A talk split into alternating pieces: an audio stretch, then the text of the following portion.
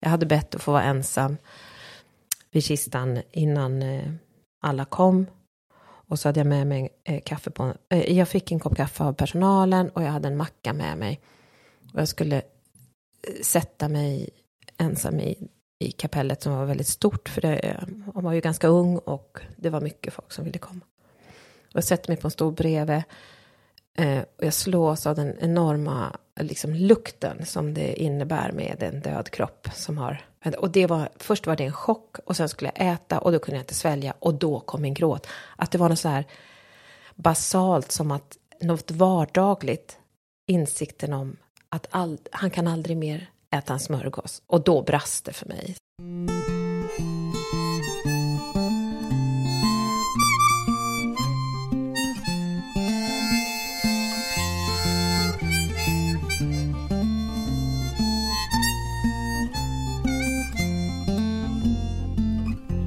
Döden gick på gatan och livet sprang tätt intill. De följdes in vid rälsen då lärkan sjöng en drill. Varför följer du i mina fotspår och sjunger min melodi? Sa döden med tunga fotsteg som han gör han drar förbi. Han såg ledsamt på livet och sa vi måste skiljas här. Men en dag så ska vi mötas. Förlåt, men jag vet inte när. Det var så kul att vi bestämde att vi skulle ses idag. För jag är ett, ett känslomässigt ras. Okej. Okay. Men mer också, jag tror att det är en kombination av att eh, efter att jag var gravid så fick jag mycket värre PMS. Och jag känner ju alltid av den kanske fyra, fem dagar innan mens. Och idag skulle jag säga är kanske den här nästan piken. Och det som händer med mig, nu kanske Jonathan skulle säga något annat, men oftast så är det ju kanske inte att jag är så Eh, den här nidbilden att man skulle vara arg eller irriterad, utan jag är bara så låg på energi. Men samtidigt så, ibland är det också som att jag då lättare kan komma åt något tillstånd av att jag inte heller, eh, att det är väldigt svårt att eh, förställa sig. Alltså att man inte, nu hoppas jag inte att jag allt sysslar med det annars med, men det är ju väldigt, eh, man gör ju det Eh, tror jag. Alltså jag tror att det är någon sån eh, autopilot ibland som sätts på ändå. Så jag är väldigt eh, eh glad att du ville komma hit idag. Att vi ska ha ett andra samtal. För att vårt första samtal, eh, oh, vad ska jag säga? Eh, det, jag hade ett jätt, eh, ljudkortet var jättedåligt. Eh, det, det gick inte att fixa. Men vi har båda konstaterat att det kanske var meningen. Mm. Ja, men jag Ja, men det där med låg. Först måste jag bara, jag tänkte på det du sa med låg. Att det är någonting med att, nu har ju inte jag eh, menstruationer längre. Och det var sån fruktansvärd lättnad. Det är sån fruktansvärd lättnad. Eh, jag saknar det inte alls, för de svängningarna var väldigt påfrestande. Det tog mycket, jag, jag upplevde att det tog mycket kraft att undanhålla det tillståndet för omvärlden och också för sig själv. För den det där att vara låg är också att vara väldigt nära sig själv. Och väldigt nära världen. Världen blir så ex, ex, extremt eh, närvarande på något sätt. Det finns inget skydd, upplevde jag. Och jag tänker, men det är också i det där låg att det är någonting, vi får tillgång till någonting som vi gärna stänger av de andra dagarna. Men också, vi kan inte gå runt och vara 100% närvarande hela tiden. Det blir också väldigt utmattande, tänker jag. Ja, men såklart var det ju meningen att vi skulle ses igen. jag eh, har verkligen eh, tänkt jättemycket på sen vi hade det samtalet. Nu eh, kommer ju tyvärr ingen annan få höra det.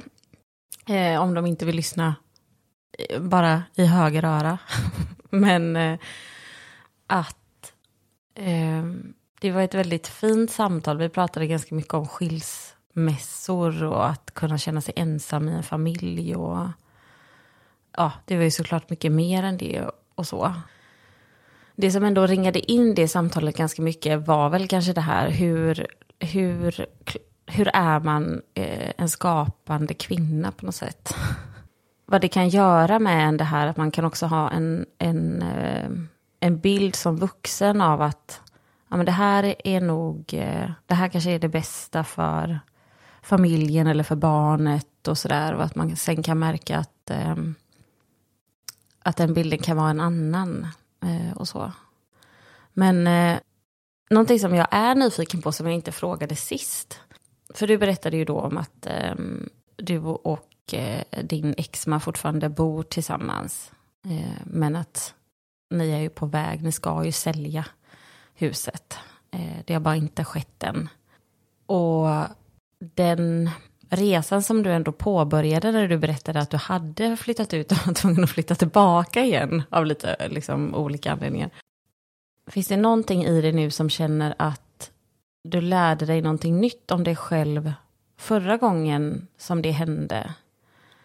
När du flyttade då, kan du känna att du har liksom att du har något försprång nu för dig själv?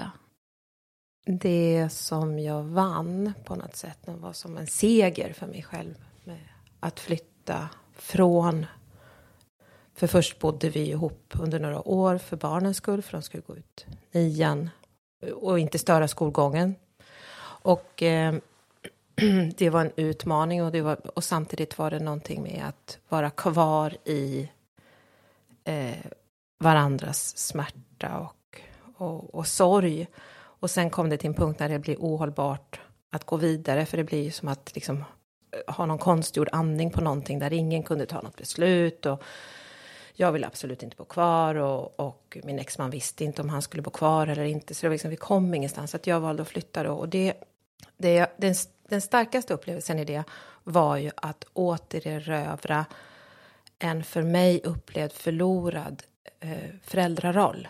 Där vi som föräldrar var förvirrade i vilka vi var för varandra och eh, vart vi var på väg. Så det stärkte mig jättemycket. När det sen då inte kom till skott, att det här huset blev liksom sålt och klart och vi kunde gå vidare och att jag skulle som en konstruktion bo i det så att vi sålde det tillsammans nu då. Då var det för mig som en, en eh, som om jag hade förlorat något som så många kvinnor före mig hade kämpat för och det var självständigheten. Det var fruktansvärt. Det var, det var så fruktansvärt att det var som att jag var tvungen att ge upp någonting som jag hade påbörjat.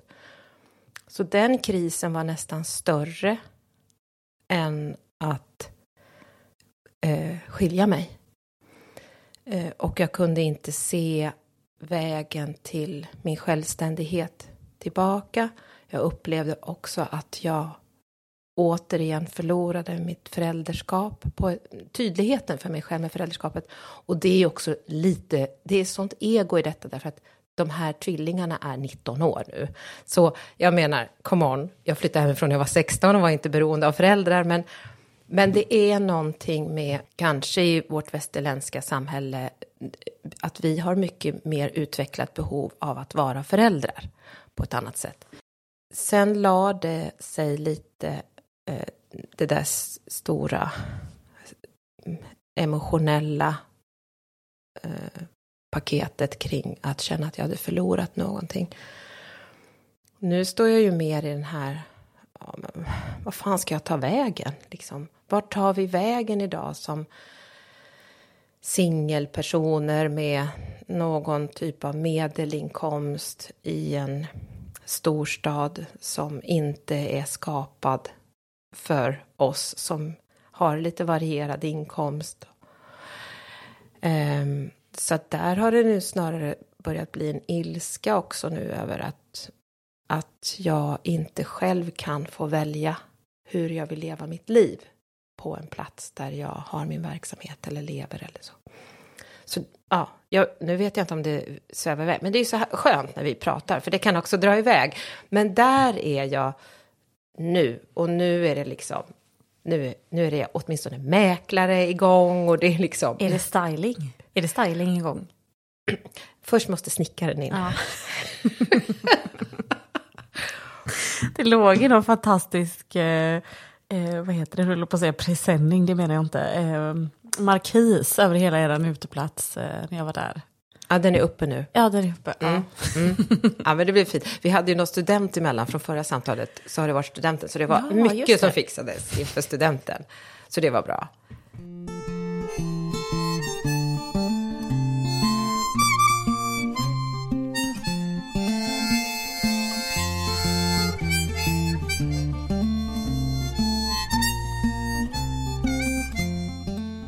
Kan du minnas eh, första gången vi sågs?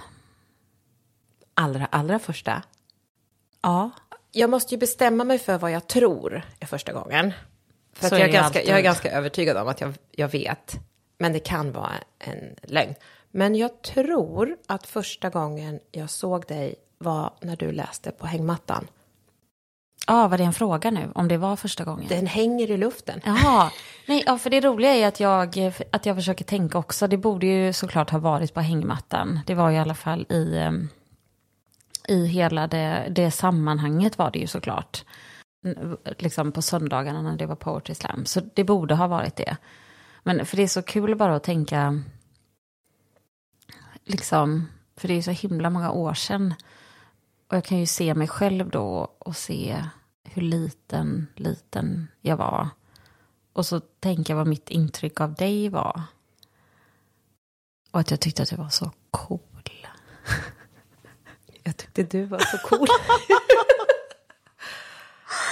Nej, men, och, och det känns lite som att det jag tycker är så fint med folk som man, när man har lärt känna folk i olika perioder av sitt liv.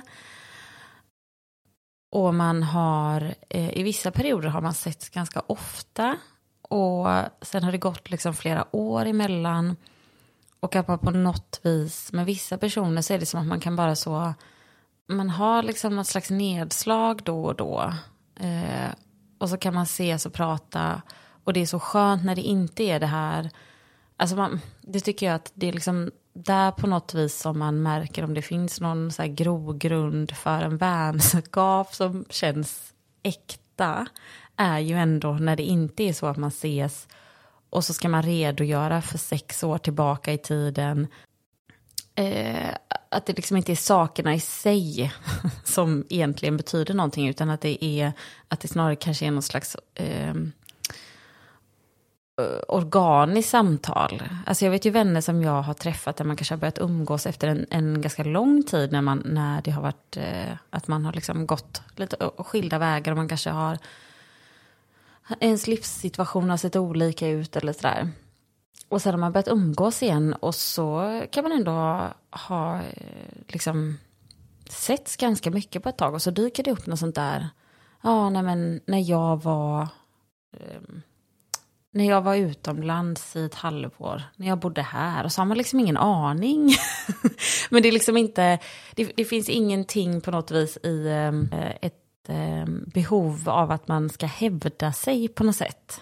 Man måste inte så här, det är inget, det är inget CV man ska rabbla upp. För så tycker jag att det kan vara med vissa människor.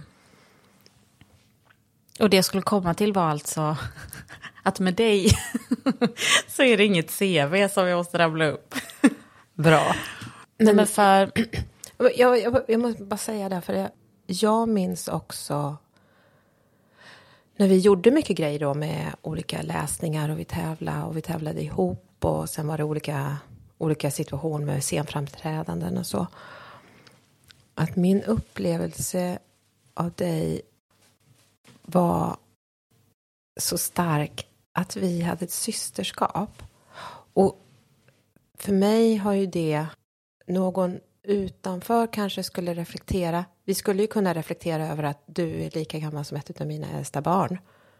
Fast det säger ju ingenting, tänker jag. Alltså det har ju ingenting med den upplevda gemensamma. Men det är, det är några punkter som är, eller rum kanske som jag upplevde var eh, så tydliga som jag kunde befinna mig i med dig. Jag har alltid älskat dina ord, hur du formulerar världen. Det är liksom som att du målar världen på något sätt med dina ord.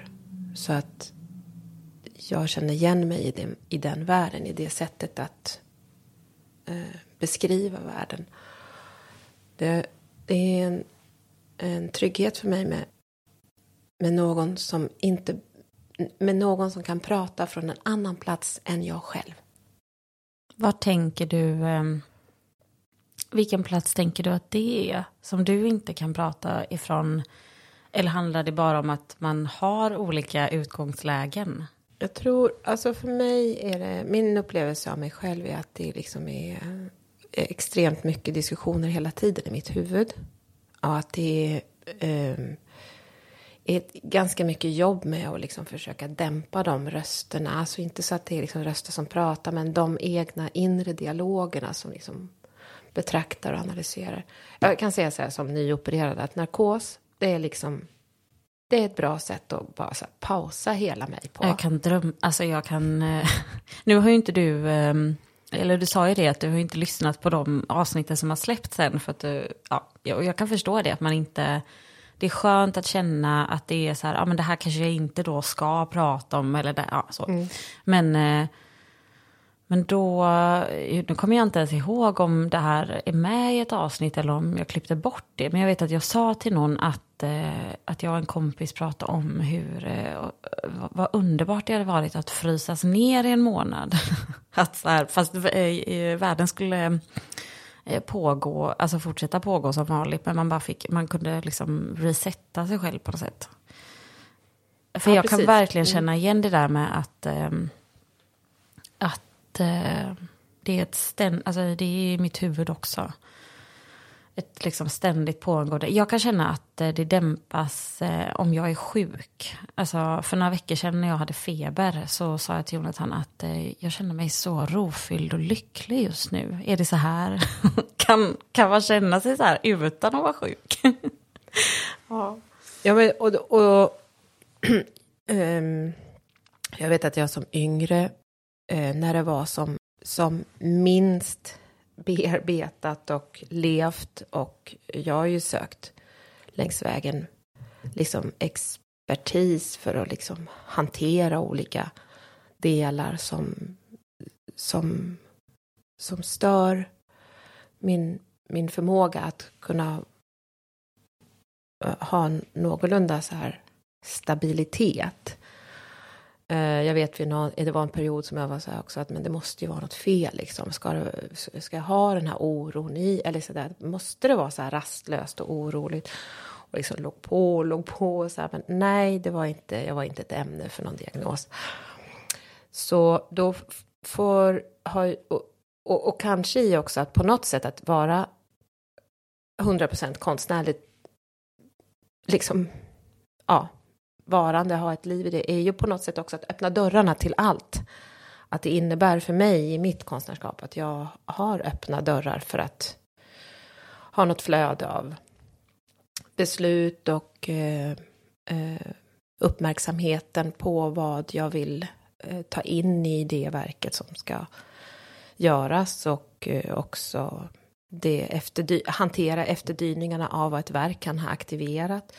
Jobbar gärna med socialrealistiska frågor och teman. Och det kan, det kan liksom stöka till det eh, med att jag är öppen och undersöker. Och eh, i vissa utav verken genom åren så har jag också stött på saker i mig själv som kanske jag inte har varit medveten om att jag bär på. Och då är ju det som att öppna också för att hantera liksom de, och jag har ett intresse av att hantera det. kan ju också vara att du är en person som inte har intresse av det, men jag är en person som har ett intresse av att titta på det som är där. Jag har ett intresse av människor, jag har ett intresse av att försöka förstå.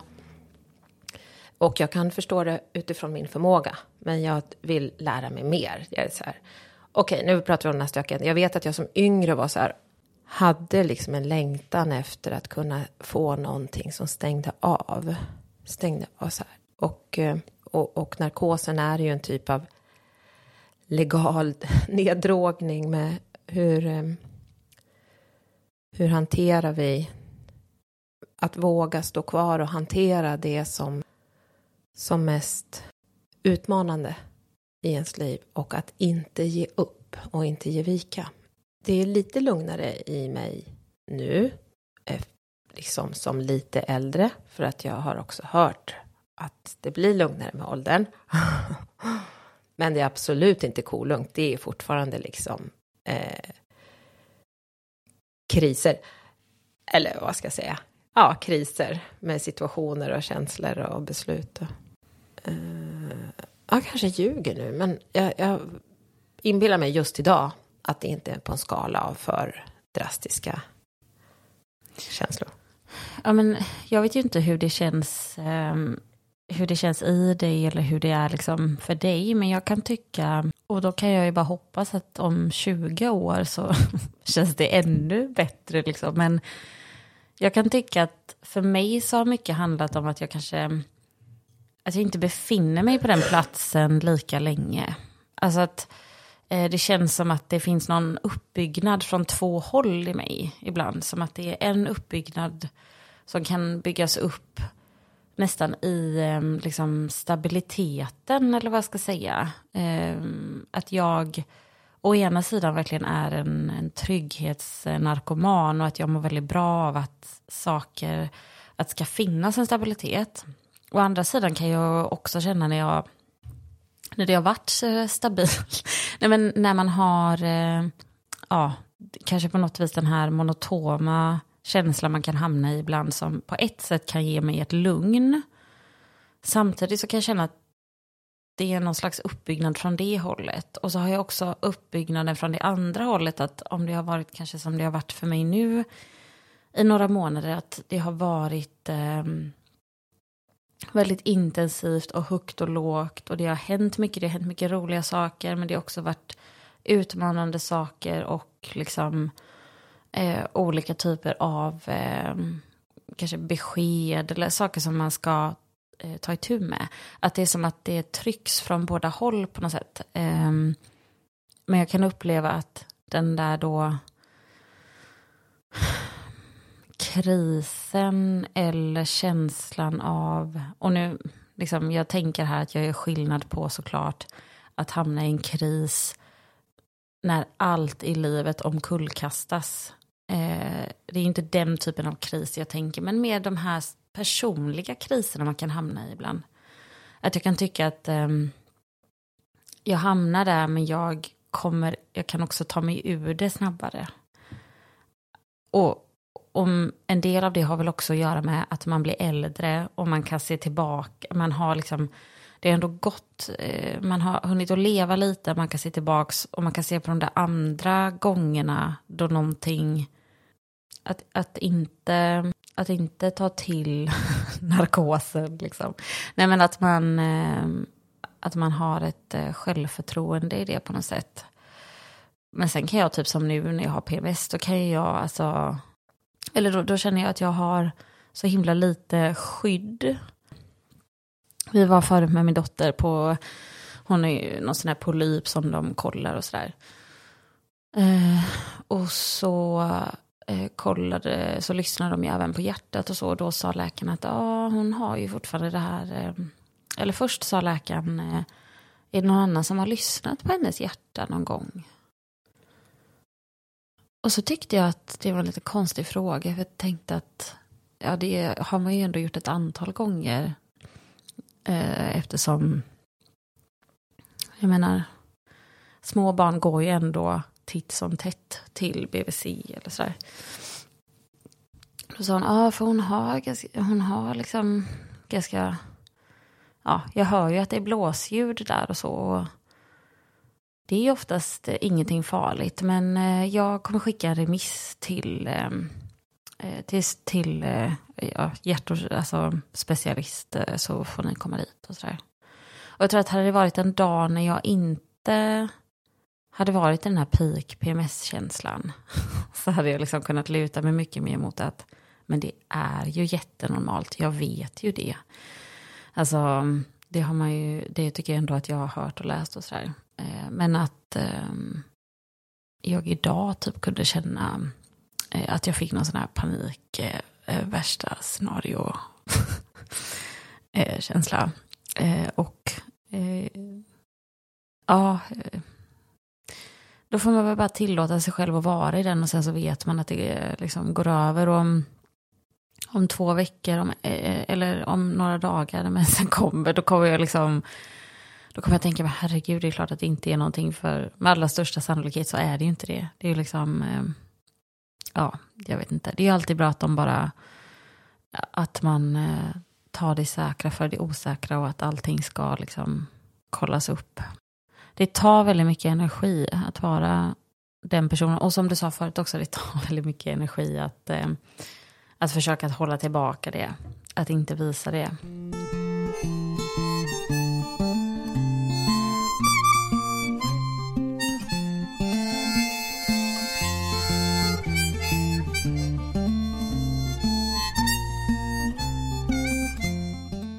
när jag var på lekplatsen häromdagen. Och det här har ingenting med PMS att göra, men det är klart att det inte förbättrar allting. Men när jag kom hem så sa jag till Jonathan att jag har äntligen kommit på varför det tar emot för mig att gå till en lekplats. Och det är inte för att jag tycker att det är tråkigt att sitta och gräva eller eh, liksom putta fart på Lilo när hon vill gunga det är för att jag måste som introvert person stå och vara social med typ 20 andra föräldrar. Eh, och då är det så här, nej, då kan någon säga så här, men det är klart man inte måste det. Nej, men det är alla de här små, det är klart att jag måste, jag kan ju inte, eh, om, vi se, om våra barn börjar leka, ska jag stå, alltså det är ju bara en sån här artighetsgrej och för mig tar det så mycket energi. Alltså, Särskilt nu, vi har en nybyggd lekplats här runt hörnet så alla samlas ju där. Och då sa jag så här, undrar hur länge man kan köra den här. Ja, vad skönt att den är klar nu. Kan man köra det i ett år och nästa år kan man säga, jag kommer ihåg förra året när den var nybyggd, vad skönt det var. Ja, det är väl bara det här att behöva liksom eh, att um, fan vad det var ocharmigt liksom och på något vis eh, komma fram till det. Men det, alltså det tar så mycket kanske tar, det kanske, jag vet inte, det, det kanske tar extra mycket energi för att jag är trevlig. ja. Det där är faktiskt någonting jag känner igen mig jättemycket i. Och det är ju ganska komplext för omgivningen att förstå att om du jobbar med en konstform där du är, liksom, du är företräder konsten rent fysiskt med din kropp och din närvaro. Eftersom att jag är på scenen eller i i, i det liksom konstverket så är ofta min kropp. Jag är också någon som håller föreläsningar. Jag är också någon som faciliterar eller är, är, är sån där konferencier och så där. Så att jag har ju offentligt maner. Jag vet att en vän och kollega sa till mig för att jag hade någon så där liksom bara var helt uppgiven med något tillfälle för att jag hade liksom dragit och det låter också helt eh, banalt och helt konstigt när man är vuxen. Och, men jag hade liksom upplevt att jag hamnade konstant liksom i situationer med någon kollega som någon ny samarbetspartner som bara, liksom bara var så här extremt krävande. Som höll på att äta upp mig. Här, och att jag kände mig som att jag förlorade mig själv. Det bara åts, åts, åts, åts och jag liksom blev, ville bara fly och hade liksom snärjt in mig i att inte sätta gränser tidigt och sådär. Och då sa hon så här väldigt insiktsfullt och väldigt viktigt för mig att höra. Ja, men det, du har, det är liksom, hon sa skillnaden, jag får aldrig de där konstiga reaktionerna, men det är så här med dig Benedikt att du har en, ett leende och en framtoning eh, som gör att man känner att man är liksom omfamnad och intagen av dig. Och, och en person som behöver mycket tror man känner sig utvald av dig när du kommer och pratar eller hälsar välkommen eller så. Man får en känsla av att hon, du har valt här, du har valt mig. Och en person som har väldigt mycket behov då kan uppleva att den ska ha allt av mig. Men det finns ju också en gräns. Jag, liksom, jag har ju någon apropå det här med att vara trevlig, att man eh, liksom sätter på någon liten... Men det är klart, jag älskar ju människor och är nyfiken, så det finns ju liksom eh, ett, en vilja av att vara positiv i mötet. Eh, men det finns ju också en gräns för vad, vad, liksom, vad, som, vad jag inte vill ge bort. Och precis det du pratar om, att Alltså jag vet inte hur många gånger jag har gömt mig under fönstret där vi bodde när barnen var små. För att vi har lekplats precis utanför huset. Och då stod mammorna, oftast mammorna ska jag säga då, vi ska inte generalisera, men det var ju oftast mammorna som var hemma och liksom spanade in så här för att liksom vinka. Och jag bara, så fruktansvärt att jag inte kan få vara i mitt eget hem utan att någon ska stå och vinka och vinka ut mig. Jag tror värsta var när de var så här, ja, knackade på dörren så här, ja, vi har ju sett att du är hemma här och vi är några mammor här som ses och har soppa på torsdagarna. Jag tänkte, nej, fråga inte mig om jag ska vara med. Så otroligt dålig taxkänsla också att om den här personen som ser att vi står här ändå inte väljer att komma ut, ska ni verkligen gå och knacka på den dörren då? Oh, nej men, jag tror, men jag tror att det finns, eh, det ligger verkligen någonting i, eh, eh, i det du säger i att jag tror också att vissa personer, och nu liksom, jag kan ju inte se mig själv utifrån, jag kan ju bara säga vad jag, eh, liksom, att jag själv kan uppleva mig ibland som den, eh, eh vad säger man, flugfångarremsan liksom. men, eh, men, och, det, och det handlar ju liksom inte om att Alltså jag, det har ju alltid varit sen jag var liten, till exempel om jag står vid en hållplats. Och det kan stå, vi kan vara ett gäng som står. Men det är alltid mig som typ fyllot har börjat prata med eller, typ, eller min mamma om vi står tillsammans. Det är alltid vi som inom citationstecken råkar ut för saker. Och det är också någonting jättefint med det. Jag tänker också att förhoppningsvis kanske det ligger i att man har liksom jag har ju bara fått acceptera att jag, kan, jag har ju ingen sån sval, cool utstrålning i alla fall.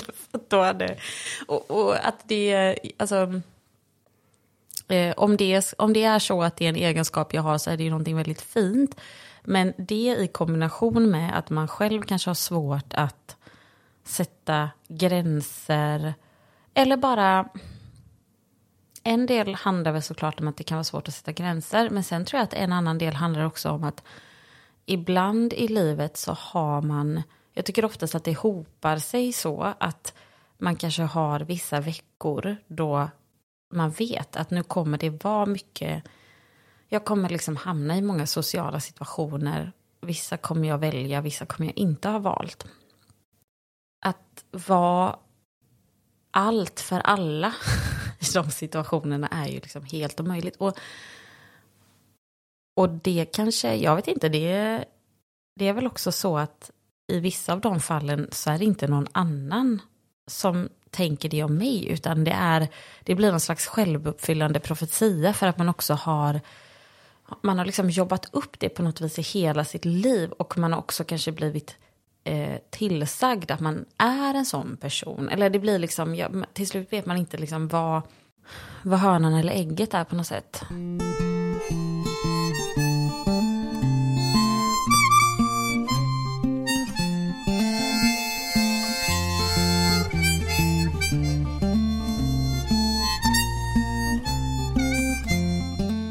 Tal om det här med att man har folk i sitt liv som liksom det går några år och så ses man inte så mycket eller man har liksom inte så mycket koll kanske på vad som har hänt i den andras liv och sådär. För jag kände ju nu när du eh, förut började berätta om när din bror dog. Att en del av mig hamnade nästan i en sån här eh, tanke av att men har jag, har jag missat att han har dött?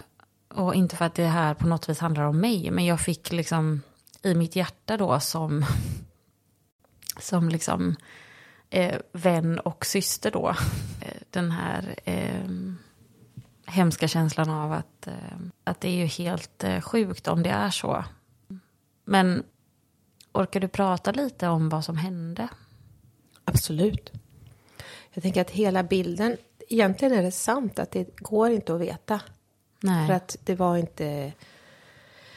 Alltså där vi inhämtar information idag är ju ofta på sociala medier.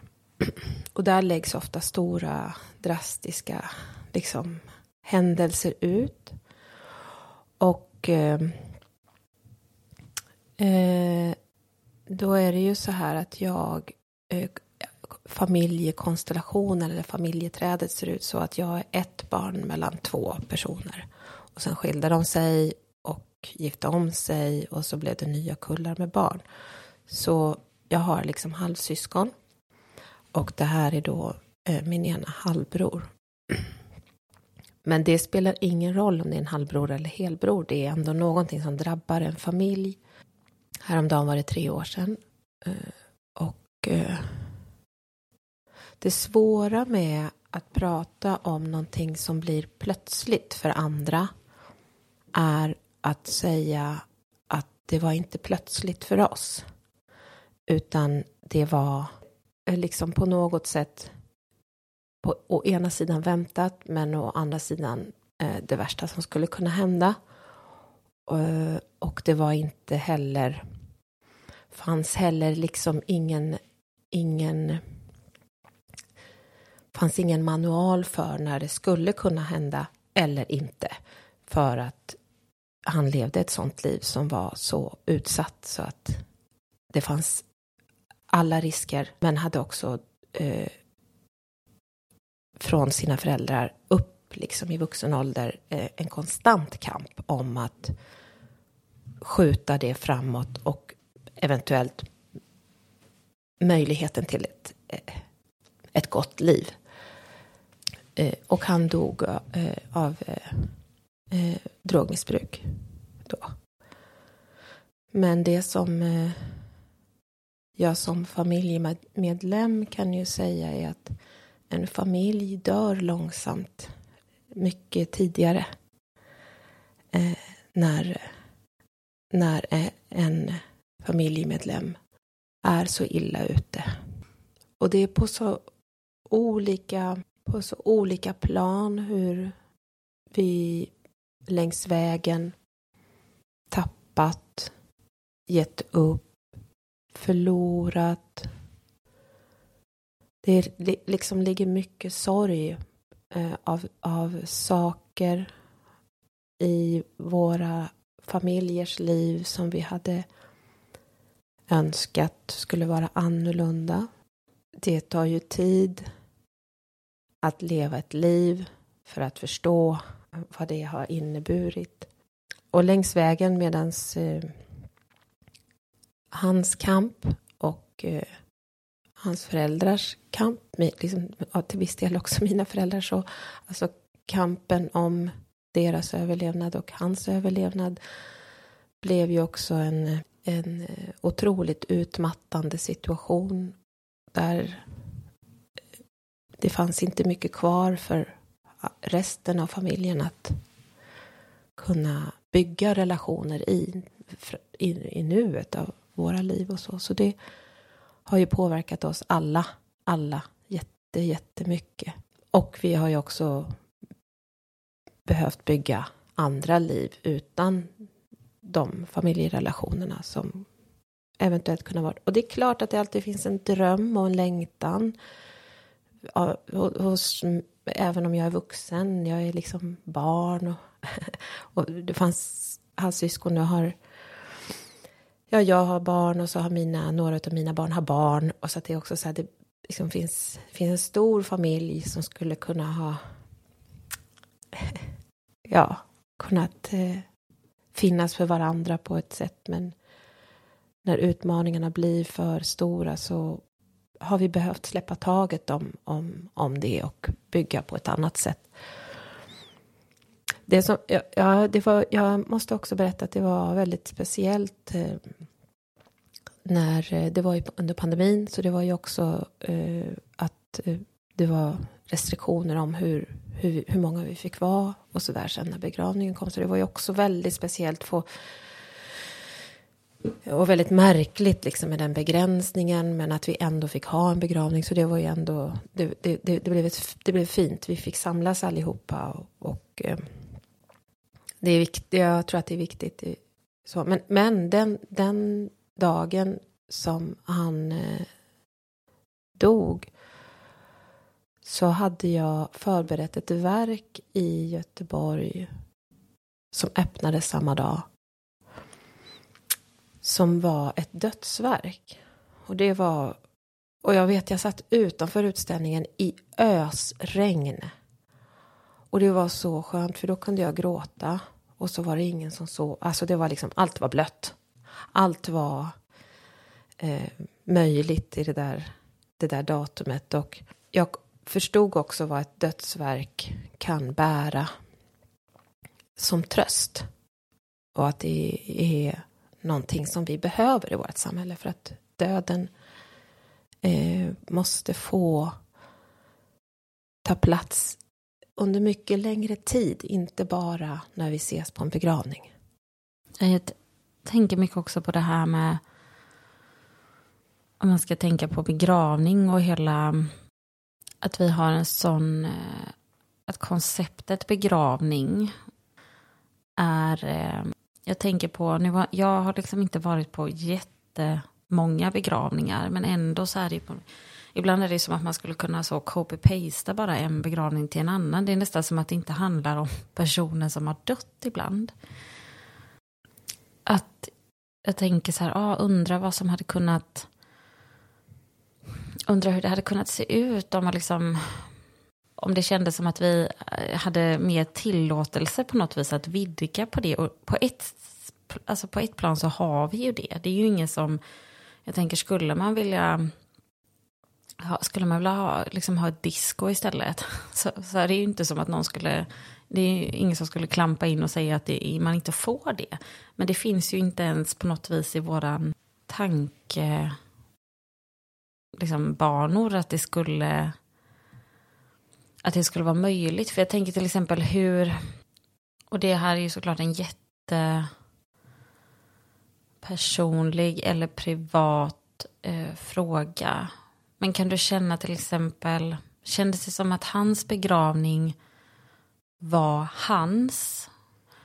Är det, och, och hur är det liksom när någon, när någon dör av till exempel ett drogmissbruk blir det svårare att eh, liksom på begravningen till exempel.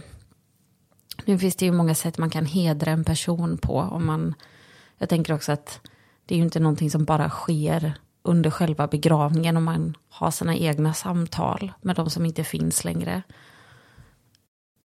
Men jag tänker, kunde du känna att det fanns någon inre konflikt där, eller faktiskt en konflikt inom familjen? Hur hedrar man en person? Hur hedrar jag den som han var? Och hur hedrar jag den som han faktiskt fortfarande var fastän man på vissa sätt redan har förlorat den personen. Förstår du min fråga? Mm. Alltså, eller min tanke? Jo, men jag kan absolut och vill gärna svara på det. För att det, i det ögonblicket på, under begravningen så kommer all samlad sorg. Det, fin, får en, eh, det finns en, eh, fanns en plats för all uppsamlad sorg att få ta plats. Och det var eh, nödvändigt för mig och att vi fick sörja samtidigt öppet. För det är också det att, att när en familjemedlem lever på ett sätt som skapar så mycket sorg. Såklart hos honom också. Han, det, det, eh, min bror led också av, av sitt missbruk. Men alla, det fanns ju, det gick ju inte att sörja fullt ut för det var en kamp om att, eh, att det inte skulle vara sorg. Och att det skulle bli bra. Så på något sätt var det också en, en det fanns en lättnadens plats att få sörja öppet. Jag är extremt känslig för när någon förrättar en begravning, om det är, om det är dåligt ljud och lite sådär. Eh, och tyvärr var ljudet eh, dåligt, vilket gjorde att jag blev störd i att få vara i fred med min sorg. För den tog min uppmärksamhet. Så det var en sån där reflektion som jag hade, bara rent konkret liksom. Eh, det fina var att vi eh, var alla där. Jag fick också möjlighet, eller vi fick möjlighet, men jag kan prata för mig själv, jag fick möjlighet att se dem runt min bror som, som var lite av hans vardag, som fortfarande kämpar. Och deras sorg. Och det, var fi, det är fint att få se i deras sorg finns också kärlek. Alltså den kärleken som min bror också hade runt sig. För det blir ju... Hans verklighet var ju inte min verklighet och när vi träffades var det liksom i väldigt korta stunder när det funkade och så. Och, och, vi bor, alltså jag bor i Göteborg och de bor i Stockholm. Så det var ju också en sån avstånds, eh, ett avstånd rent geografiskt. Sen eh, min brors eh, mamma sa sist vi pratade hon sa någonting så fint att, att tillåta sig att sörja barnet som man har haft hos sig när det växte upp allt det vackra. Att tillåta sig att få minnas det vackra och att få sörja det. Och sen får man dela upp sorgen i att den vuxna personen som, som förlorade kampen i, med drogerna, att det är en annan typ av sorg. Och det var, det var fint, för hon är också ja, men pratar mycket med i, i olika grupper och, och liksom olika stödsammanhang. Så hon har också formulerat, tycker jag, på ett väldigt bra sätt för oss andra hur att bete sig med den här situationen. För att eh, alla relationer i familjen är så olika, så mer eller mindre utvecklade, vi har stått mer eller mindre nära varandra och så. Och då blir ju sorgen liksom olika på det sättet.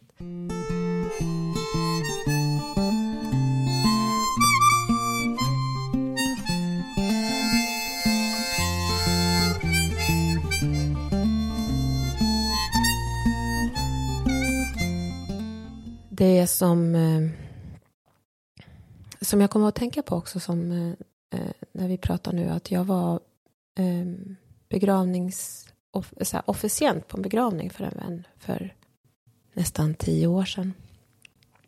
Lite mindre än tio år sedan är det. Och apropå det där med diskot.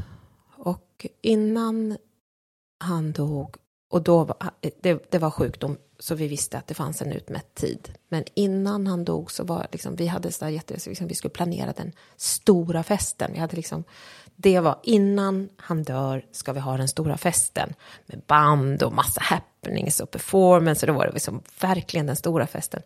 Jag kände någonstans i att jag gick in i den planeringen med honom för hans skull. För det gav honom hopp och glädje. Men jag hade också i mig att vi kommer inte hinna. Vi hann inte. Eh, men mycket av utkasten och idéerna till den stora festen eller festivalen fick följa med in i begravningen sen. Det var fantastiskt för oss som var kvar att få verkligen som en gåva från honom eh, men också från hans familj att vi fick fira allt i hans idévärld på något sätt. Att vara officient eh, för någon upptäckte jag var väldigt likt hur jag bygger ett konstverk.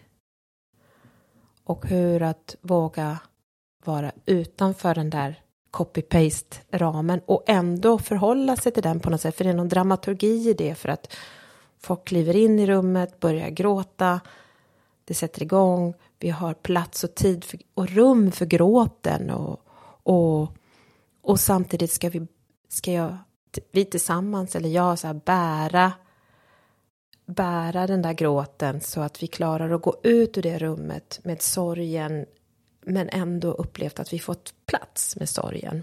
Det, det som hände för mig var att jag la ner, det är ju mycket liksom jobb och, och, och eh, engagemang i det det gjorde att min egen sorg blev, blev liksom, han inte ikapp förrän precis, jag hade bett att få vara ensam vid kistan innan eh, alla kom. Och så hade jag med mig eh, kaffe på, eh, jag fick en kopp kaffe av personalen och jag hade en macka med mig. Och jag skulle sätta mig ensam i, i kapellet som var väldigt stort för det, man var ju ganska ung och det var mycket folk som ville komma. Och jag sätter mig på en stol bredvid. Eh, och jag slås av den enorma liksom, lukten som det innebär med en död kropp som har... Och det var, först var det en chock och sen skulle jag äta och då kunde jag inte svälja och då kom min gråt. Att det var något så här basalt som att något vardagligt insikten om att all, han kan aldrig mer äta en smörgås. Och då brast det för mig. Så, där. så, så det var... Jag tycker oftast att det är de där... Eh, jag tycker att eh, till exempel sorg överlag. Att det är ju sällan de där filmiska liksom proportionerna eller vad man ska säga. Det är, det är oftast de där små. För att det är när allting liksom kokas ner så är det på något vis det som också det enda som säger någonting eller betyder något. Att någon inte kan äta en smörgås längre. Nu när det är tre år sedan. Det är ju en jättedubbel fråga liksom. Men hur, eh, hur känns det nu? När, när du tänker tillbaks. Och då och då menar jag inte liksom nödvändigtvis tänker tillbaka såklart på begravningen utan på hela... Jag tänker att det säkert är liksom en... Eh, att det var ett långt händelseförlopp. Men det här var din bror som förlorade sin fru? Nej, det är min andra bror. Ja. Mm. Döden går som en röd linje genom livet. ja. Nej, det är min andra bror det är liksom, jag har två sidor och tillhör två olika familjer. Och jag tror att det har varit svårt för mig med identitet i vem jag är i den sorgeprocessen idag. Eftersom hans missbruk påverkade honom så mycket och det gjorde också att han var ju väldigt ofta på inlåst på olika anstalter och så. Det gjorde att jag lyckades inte bygga en nära relation direkt med honom. Utan relationen med min bror under de, under de liksom senaste 15 åren, kanske nästan 20. Eh, inte bara på grund av honom ska jag säga. Men den har väldigt mycket byggt på relationen med min pappa och eh, min brors mamma att det är liksom genom dem som jag har liksom varit uppdaterad och vet hur situationen är, hur han mår och så. Så att det har alltid varit, de har alltid funnits som någon som jag kan liksom få veta Eh, hur, hur läget är. Och sen är det ju bara det här konkreta, jag menar, jag har ju varit småbarnsmor i väldigt många år, fyra barn, vilket gjorde också att mitt liv var upptaget av mitt liv. Så. Eh, men någonting som, som väldigt, väldigt starkt eh, har eh, på, liksom funnits där är ju en extrem rädsla för droger. Eh, alltså, och då handlar det ju om sen när, när, mina barn blev upp i tonåren, liksom så att det var, jag hade liksom en av, av liksom den anledningen som är i vår familj, liksom en panisk skräck. Jag pratade med, med min vän Jenny som var med i det första avsnittet. Och då tyckte jag att, eh, eller vi pratade om just det här, ehm, hur svårt det kan vara till exempel om man har familjemedlemmar som är missbrukare. Att, eh, att prata med barn om det. Men också beroende på hur situationen ser ut och om personen är i ett aktivt missbruk och vad för typ av missbruk det är. Men att också eh, att, för hon sa någon, eh, någonting som jag tyckte var väldigt fint just där att hon bara, jag vill ju tänka att det finns plats för alla i ett samhälle. Jag vill inte att, att nej men vi bjuder inte honom till midsommarfirandet för att han har ett missbruk och sådana saker. Men hur svårt det kan vara. Jag kan tänka mig också just den här om man har under så lång tid en familjemedlem som har ett drogmissbruk. Kunde, har ni kunnat prata om det på... Har ni haft väldigt olika bild i din familj om hur mycket ni ska prata om det och hur, hur hela den, det samtalet varit? Ja, det är en jätteotroligt viktig fråga som du ställer. För att min upplevelse var att det fanns så mycket dolda regler kring när eller var eller hur vi fick, skulle prata om det och alla blir ju på olika sätt medmissbrukare eh, i det att börjar agera utifrån att det finns och ser dig själv som en del av det på något sätt. Att du är knuten till den personen eller det som uppstår genom att inte prata om det. Och det, jag, jag är också av den övertygelsen att alla ska få, få plats. Och jag tycker också att men, och, men jag tycker också att det är viktigt att alla måste känna efter att vad, vad kan jag härbärgera? Hur kan jag, kan jag bära den här personen om det uppstår någonting? Och våga sätta gränser i det. Och våga säga de gränserna till varandra. Det finns fortfarande extremt mycket skam. Och att det blir som att alla runt den här personen, att det är, att det är liksom, ett, liksom en, en familjs fel. Och det är inte alltid sanningen. Eh, och oavsett vad som är sant och falskt, det finns fakta. Och ju, ju öppnare vi kan vara utan att skambelägga varandra i det, desto lättare är det för en familj att, att ta sig igenom en situation och be om hjälp. Bara kring andra saker. För att liksom, delar av ens liv upptas av mycket kamp och, och sorg. Och liksom. Eh, jag kan ju också beundra eh, min brors mamma då eh, i hur oändligt många samtal eh, hon och, och eh, kraft som lagts i att hitta vägar, stöd, resurser, behandlingsformer. Eh, och, och, och, när du väl får en behandling, ja, men när den är klar, var ska du ta vägen då? Alltså det, det, det, det är kostsamt för ett samhälle att inte ha en bra plan det, alla går inte på räls. Det, det, är liksom, det, det är inte så. Alla går inte på räls. Så det finns eh, mycket mörker och mycket som är outtalat och det blir det skapar väldigt mycket spänningar i, i att vara naturlig i relationerna. Ja, men också det här att energi det tar att vara medberoende och när en hel familj är det och den här på något vis dansen liksom som eh, uppstår. Och eh, liksom en, den här radan som alltid är på. Men jag tänker på det som du sa, det här med att, eh, att känna vad man själv kan liksom härbärgera och mycket handlar ju om kanske vad, liksom, som du sa det här med att vara mitt uppe i småbarnsår och liksom man har sitt eget. Jag kan ju känna det gentemot folk, eh, folk omkring mig som, eh, som inte mår bra. Att, att det också är svårt att inte skuldbelägga sig själv för att man drar den där gränsen. Eh, men att man själv kan känna att eh, det handlar om att man överhuvudtaget ska typ kunna hålla ihop för sin egen familj. Det är liksom inget lätt beslut.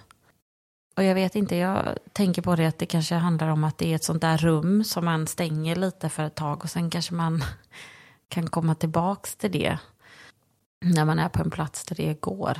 Jag har, ehm, jag har liksom helt stängt av nästan den här ehm, som, som jag tror är någon slags ehm, ö, typ överlevnadsinstinkt för att jag måste ta hand om eh, mitt barn.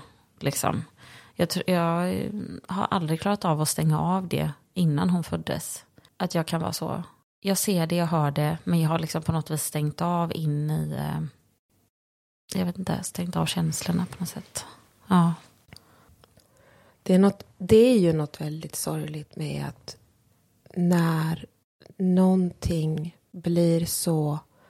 Jag menar ett, ett, ett, missbruk när det tar över en människa så att den, den blir slav under det så är det, kan inte jag som person eh, eh liksom rädda den människan. Det behövs mycket, mycket mer.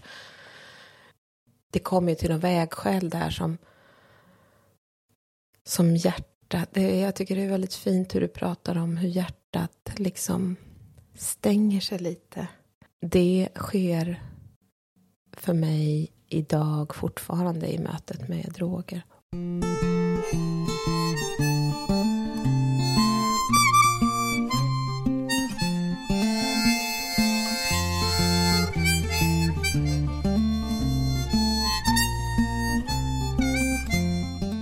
När vi pratar om eh, vi pratar om droger, vi pratar om narkosen, vi pratar om det här stöket som är inuti. Att man liksom, det är liksom något pågående som behöver sitt lugn och ro. Vi orkar inte vara sociala för att det är liksom bara, nej men alltså det är så mycket som pågår i mig ändå så jag orkar inte med ytterligare att bara stå och vara trevlig den här, på den här lekplatsen eller den här sociala situationen. Samtidigt är jag väldigt medveten om att och det är jag väldigt observant på. Nu som vuxen så behöver jag inte vara rädd för det. Men jag var rädd för det som yngre. För att det finns ett så starkt drag av att vilja döva livet i min familj. Det finns en stark, eh, liksom, vad ska jag säga, ett beteende. Och det beteendet har andra uttryck, inte bara det konkreta som samhället kan peka på, drogmissbruk, utan det har helt andra, det kan ta sig helt andra uttryck och man får vara, jag har fått jobba med att bli väldigt observant på det. För det där är sånt som är beteenden som ärvs ner. Det var Det en en liten vän till mig som också. i veckan eh, sa att ja, vi, eh, vi försöker att inte titta så mycket på tv på kvällen. Och då blev jag så himla triggad av det. Så tänkte jag, fan vad töntigt. Det är väl det enda, för, det är väl det enda man gör idag. Att titta på serier på kvällen. Men då tänkte jag på det att det var ju verkligen den delen av mig som det här med att döva saker. Alltså, jag tänker att kanske den mest accepterade formen av att döva saker idag är väl den typ eskapismen. Att man, eh, att man konsumerar fem serier i månaden liksom. Och att man är så, har man inte någonting att titta på så är det så, åh men gud vad vi, liksom, vi måste hitta någonting nu. Och, liksom, och då tänkte jag på det att jag hade ju under under de perioderna när jag liksom mådde som sämst under liksom de senaste, ja, men fram, liksom, det var väl främst de åren när, eh, när jag var ofrivilligt barnlös som jag liksom skapade de här på något vis så säkerhets eller trygghetsbeteendena och då var ju några av dem att jag tittade om på saker. Alltså det kunde vara, det behövde inte nödvändigtvis vara en serie, men det var det ju ganska ofta, men kanske någon intervju liksom, eller vad som helst. Um, och att jag, eh, liksom, sen har jag, det är någonting som jag alltid har kunnat göra, för att jag kan tycka att det finns liksom något, eh, tycker jag om någonting så blir det ofta så att jag verkligen går upp i det helt. Och då kan jag liksom, då vill jag, eh, då kan jag inte se mig mätt eller lyssna mätt eller vad det nu kan vara. Men jag, det var något intressant som jag lade märke till när jag hade kommit ur en väldigt lång tid av att liksom, ja, och sen mådde jag piss för att man skilde sig och ja, hela det här att man ska, liksom, eh, även om, eh, även om någonting eh, liksom är ett eh, rätt eh, beslut så är det ju liksom en en ganska lång tid av eh, sorg och eh, återhämtning och någon slags återuppbyggnad av den egna identiteten och, och jaget. Där märkte jag ju att jag plötsligt inte var så sugen på att se om samma serie som jag hade sett i sju år. Och så tänkte jag så här, jaha, vad tråkigt, vill jag se på nya saker? Eh, men, men där tänker jag, det var ju så tydligt för mig då att det där var ju verkligen ett sätt av att döva någonting. Och kanske också, eh, jag, jag ser ju tillbaks, eller den delen av mig kan jag ju lägga märke till och eh, eh, liksom känna mig lite rörd över ändå samtidigt. Jag tänker att det är ju ett, eh, ett snällt, liksom, eh, på något vis eh, eh, säkerhetsbeteende eller någon slags... Ehm, men, men jag tänker långsiktigt så är det ju inte så utvecklande för en som person och eh, det är ju lite så måndag hela veckan-känsla. Men det är intressant det du säger med att det finns så många sätt att döva saker på och att det gäller att vara uppmärksam på dem. För det är väldigt lätt att man, eh, att man, identi- att man inte identifierar dem eller att man inte liksom ser dem för det de är. Mm. Både att eh, vara mor eh, till barn som är uppvuxna i skärm, skärmlivstiden eh, livstiden eller livs, en, vad heter det, en, en, en årstid, på säga, är ju en utmaning i sig. Att eh, vad de skärmarna, vad, att vi, vår, min generation lägger en helt annan laddning i den än, än de såklart. Men det blir ju någonting att vi, jag och några med mig börjar liksom jämföra det vi hade naturligtvis och uppfattar som någonting på riktigt eller värdefullt och så jämföra med det. Och det är att säga till sina barn att det inte har ett värde, att det är dåligt, är ju skitdålig fostran.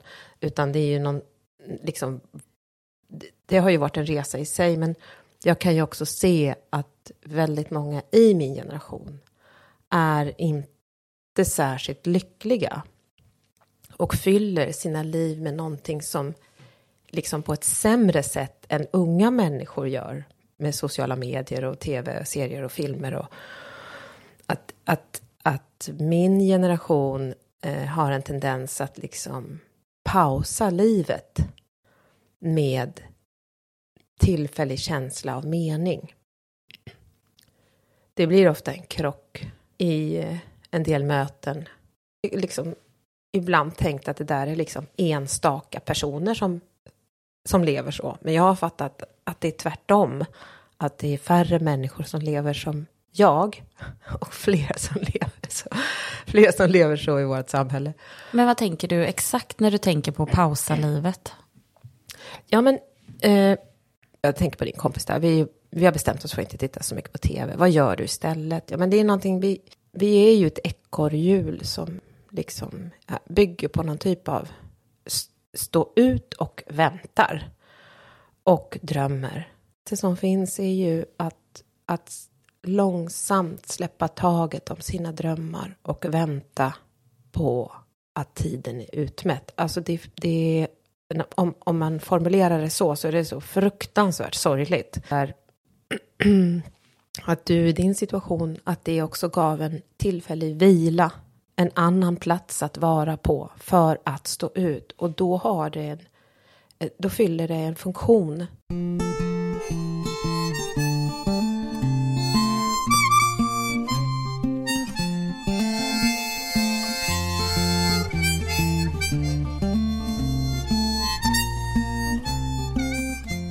Hade någon sommar när jag mådde så här riktigt dåligt. Och låg två veckor i soffan och tittade igenom alla eh, säsonger av Böda camping. Det är eh, mycket intressant händelse i mitt liv. Det var verkligen det sista jag trodde du skulle säga. Jag vet inte vad jag skulle tro istället, men det var inte det. Ja. Men, eh, och apropå då att jag kan ju inte falla in i den där eh, eh, att bedöva mig med, med te för att jag somnar eh, väldigt lätt. Jag är ju tvärtom.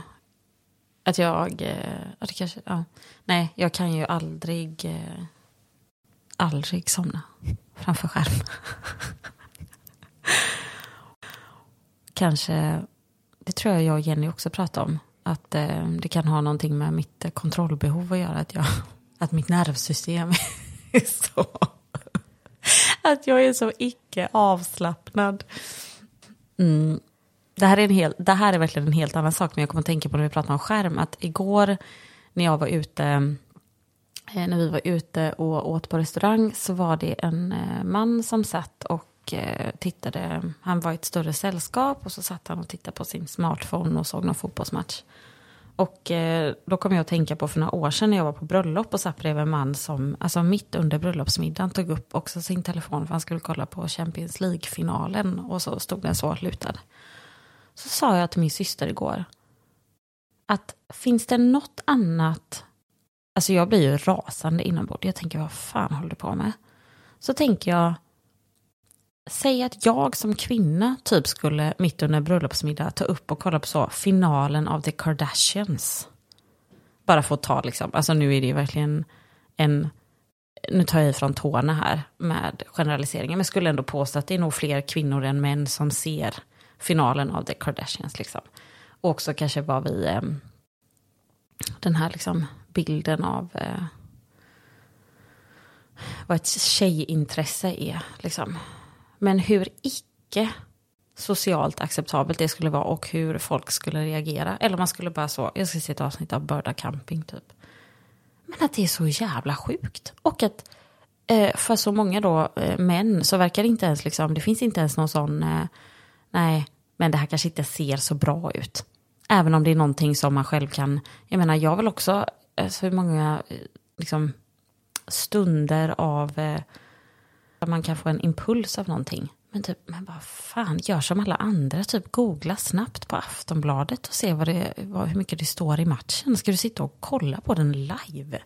Medan din vän gifter sig. Ja, det är så jävla sjukt. Ja, det var bara en eh, parentes, men ja, nej, jag har, ja. ja, jag, det, jag tycker att det är en... Eh, det där är en intressant betraktelse kring eh, samhällets idé om vem som kan göra vad i ett offentligt rum. Och sport, hur samhället ser på sport. Att det är liksom, eh, att det står så högt. Många i min eh, familj, liksom avkomman och exmän, de är liksom antingen utövare av sport eller följer sport och är intresserade. Så att de, när de träffas, när vi träffas alla, så är det alltid, eller väldigt ofta ett intensivt samtal eh, kring olika sport och olika eh, idrottare och ja, det är en väldigt märklig känsla av att bli osynlig. Alltså jag är glad för deras skull. Att de har det gemensamt. Men det är väldigt konstigt att vara en förälder och partner och vara helt utanför någonting som de delar så intensivt. Och det är ju ett ganska högt pris om man nu ska prata om att leva i, ett välfärdsland ändå.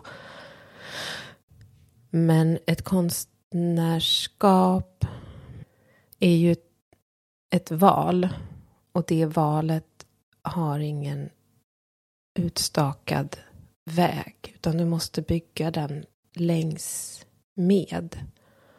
Och det är ett ensamt jobb.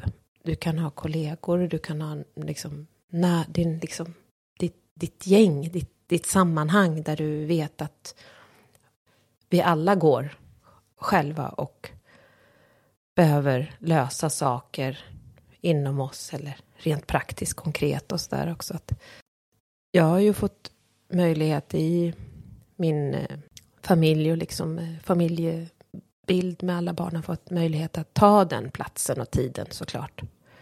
Och eh, den respekteras ju men det gör att jag också eh, hamnar lite som en liten ö på något sätt. Och den kan drabbas av svartsjuka. Det är väl klart att den kan göra det. Alltså jag tänker bara det här att eh, ens familj ska ju på något vis alltid vara nollan som man återgår till. Och som man utgår ifrån. Eller jag, när, när jag tänker på det liksom på, ja, jag vet inte, på det liksom mest optimala eller liksom det som man förhoppningsvis ändå kanske strävar efter. För, för jag, var, jag tänkte på det, liksom, om du kan känna att det har funnits ett, ehm, en känsla av, även om ditt konstnärskap och den liksom du är respekteras, om du har kunnat känna att du har liksom aldrig kunnat ta den platsen. Eller att du inte har kunnat bli sedd helt fullt ut på det sättet som du läng hade längtat efter. Eller har du haft en sån längtan? Ja, men jag tror att mitt ego har väl längtat efter att bli sedd liksom lite för mycket kanske. Så att det där är ju en, ett svar med modifikation. alltså, min familj har stöttat mig jättemycket. Jag har fått göra det jag har valt att göra. Men det är ju faktiskt också att en, en, en, barnfamilj måste ju fungera med dagliga rutiner och så. Då har det blivit på den andra förälderns eh, initiativ och lite lott och också med glädje. Så det har inte varit, det har absolut aldrig uttryckts att eh, nej, nu, det, nu har jag, gör jag för mycket, nu får du ta över. För mina val med konsten och de förutsättningar som konsten görs under avkräver också att jag gör avkall på en del av det dagliga, vardagliga, rutinmässiga 8 till 5. Ehm, att kunna jobb, komma hem på kvällen, att vara hemma på helgerna, utan det har varit att vara på annan ort och att det har varit sena nätter och, och behöva sova på dagarna för att du har suttit med någonting som behöver bli klart. Mm, ojämn ekonomisk intäkt, den är där men med olika, den kommer inte varje månad lika frekvent. Och det är klart att det är ju någonting som jag måste också eh, förstå att eh, de älskar mig, jag älskar dem, vi finns för varandra, men mitt liv ser annorlunda ut eh, än deras. Och då eh, att vara en person som har lite känslorna liksom nära till hands och eh, med ibland sviktande själv eh, känsla och självförtroende kan ju då gripas av den där svartsjukan att de har så mycket gemensamt. Men jag hade inte kunnat göra på ett annat sätt, tror jag. Alltså jag kunde ha levt någonstans där vi var fabriksarbetare och det var det. Nu lever vi i Sverige och jag har haft möjlighet att utveckla det jag gör. Och hade du inte utvecklat det så tänker jag att du säkert ändå inte känslomässigt hade varit där. Alltså, nu tänker jag, ja om du hade varit en annan person, men du är ju den du är. Och att då på något vis låtsas, det går ju liksom inte. Eller går till den punkten att man... Men alltså tror du, nu måste jag bara fråga dig, Tror du inte att det är ganska många i vårt samhälle som låtsas? Som egentligen vill någonting annat? Jag tror att det är jätte... På ett sätt, ja. För jag tycker också det är skrämmande att tänka att det inte... Att det är så många som skulle vilja göra det de gör. Och det kan ju låta fruktansvärt, men jag tycker att om man bara lyssnar på människor så låter det väl som att de flesta nästan alltid vill någonting annat eller längtar efter något annat. De kanske inte alltid ger uttryck eller vet eller säger vad de längtar efter, men man hör att de inte vill vara där de är.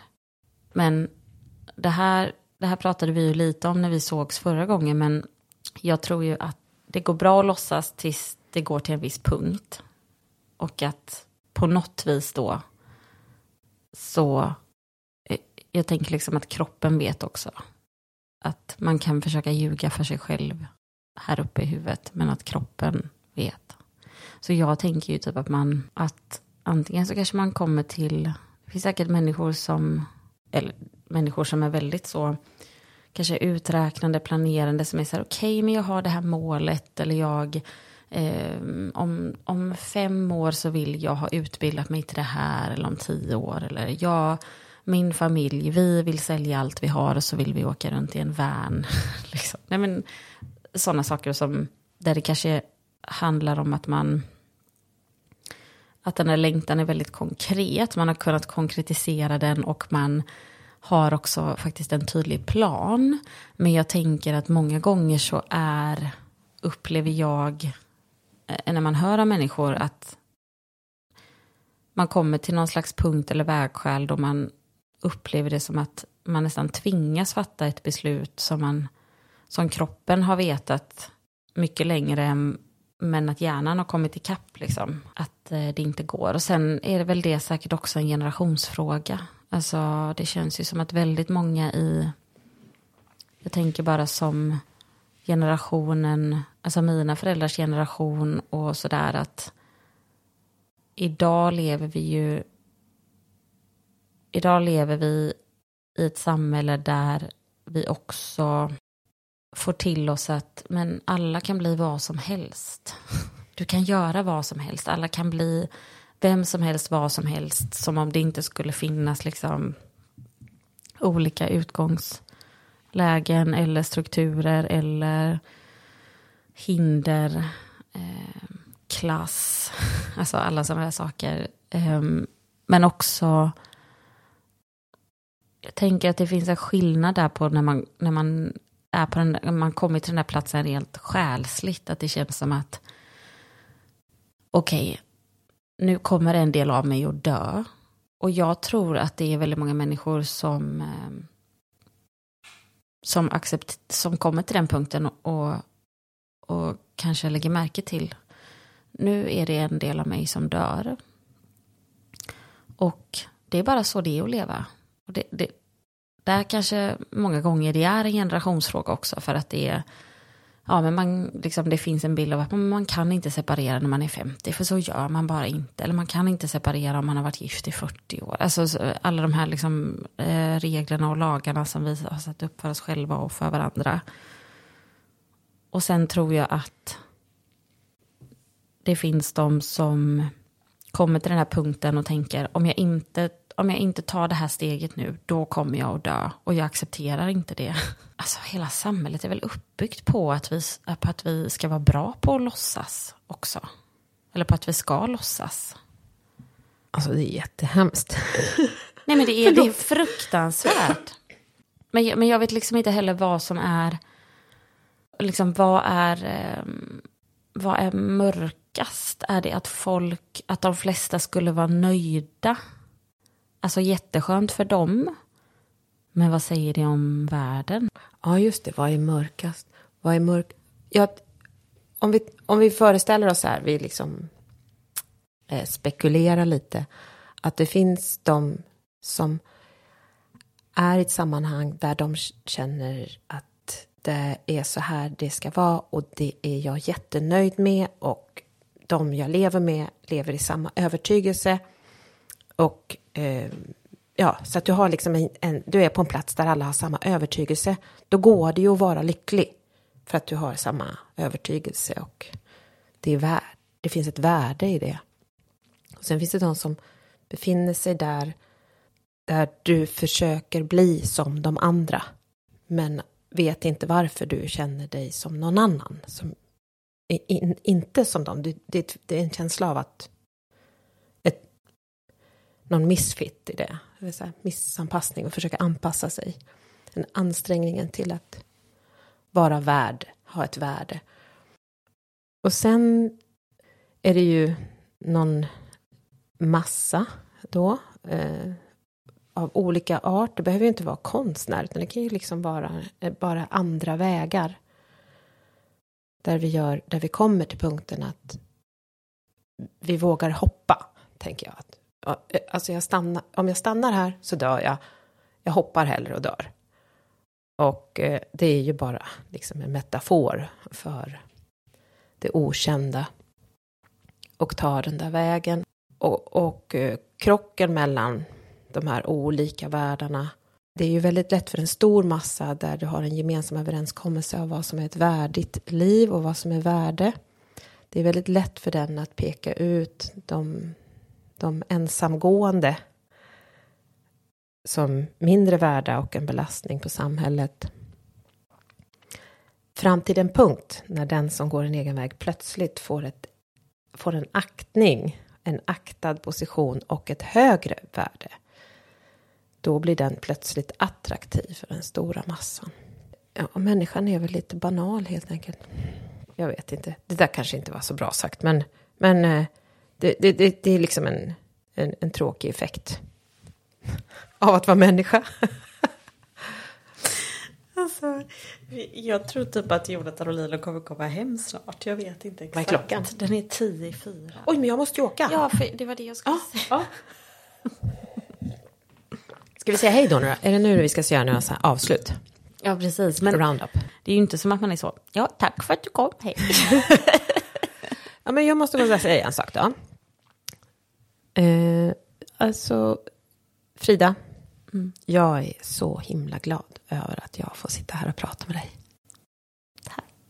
Och detsamma vet du väl. Alltså om det, vi kan ju låtsas att det här avsnittet också eh, liksom blir något fel med, så kan vi ta ett tredje inspel. Så Ja. kan vi referera till samtal efter samtal efter Och till samtal. slut så kommer ingen vilja vara med i min podd för de tänker, åh herregud, hon har ju, she doesn't have her shit together. Hon måste spela om allting Ja. 300 gånger. Ja. Och nästa gång vi ses så är det utanför det här sammanhanget. Precis, vi spelar inte in någonting. Nej. Alla hemligheter är förslutna. Ja, precis. Men ska vi säga hej då? då? Ja, det gör Ja.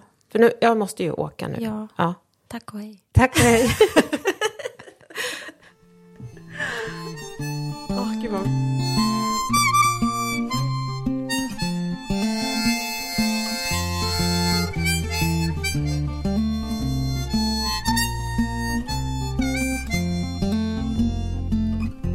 Döden gick på gatan och livet sprang tätt intill. De följdes in vid rälsen då lärkan sjöng en drill. Varför följer du i mina fotspår och sjunger min melodi?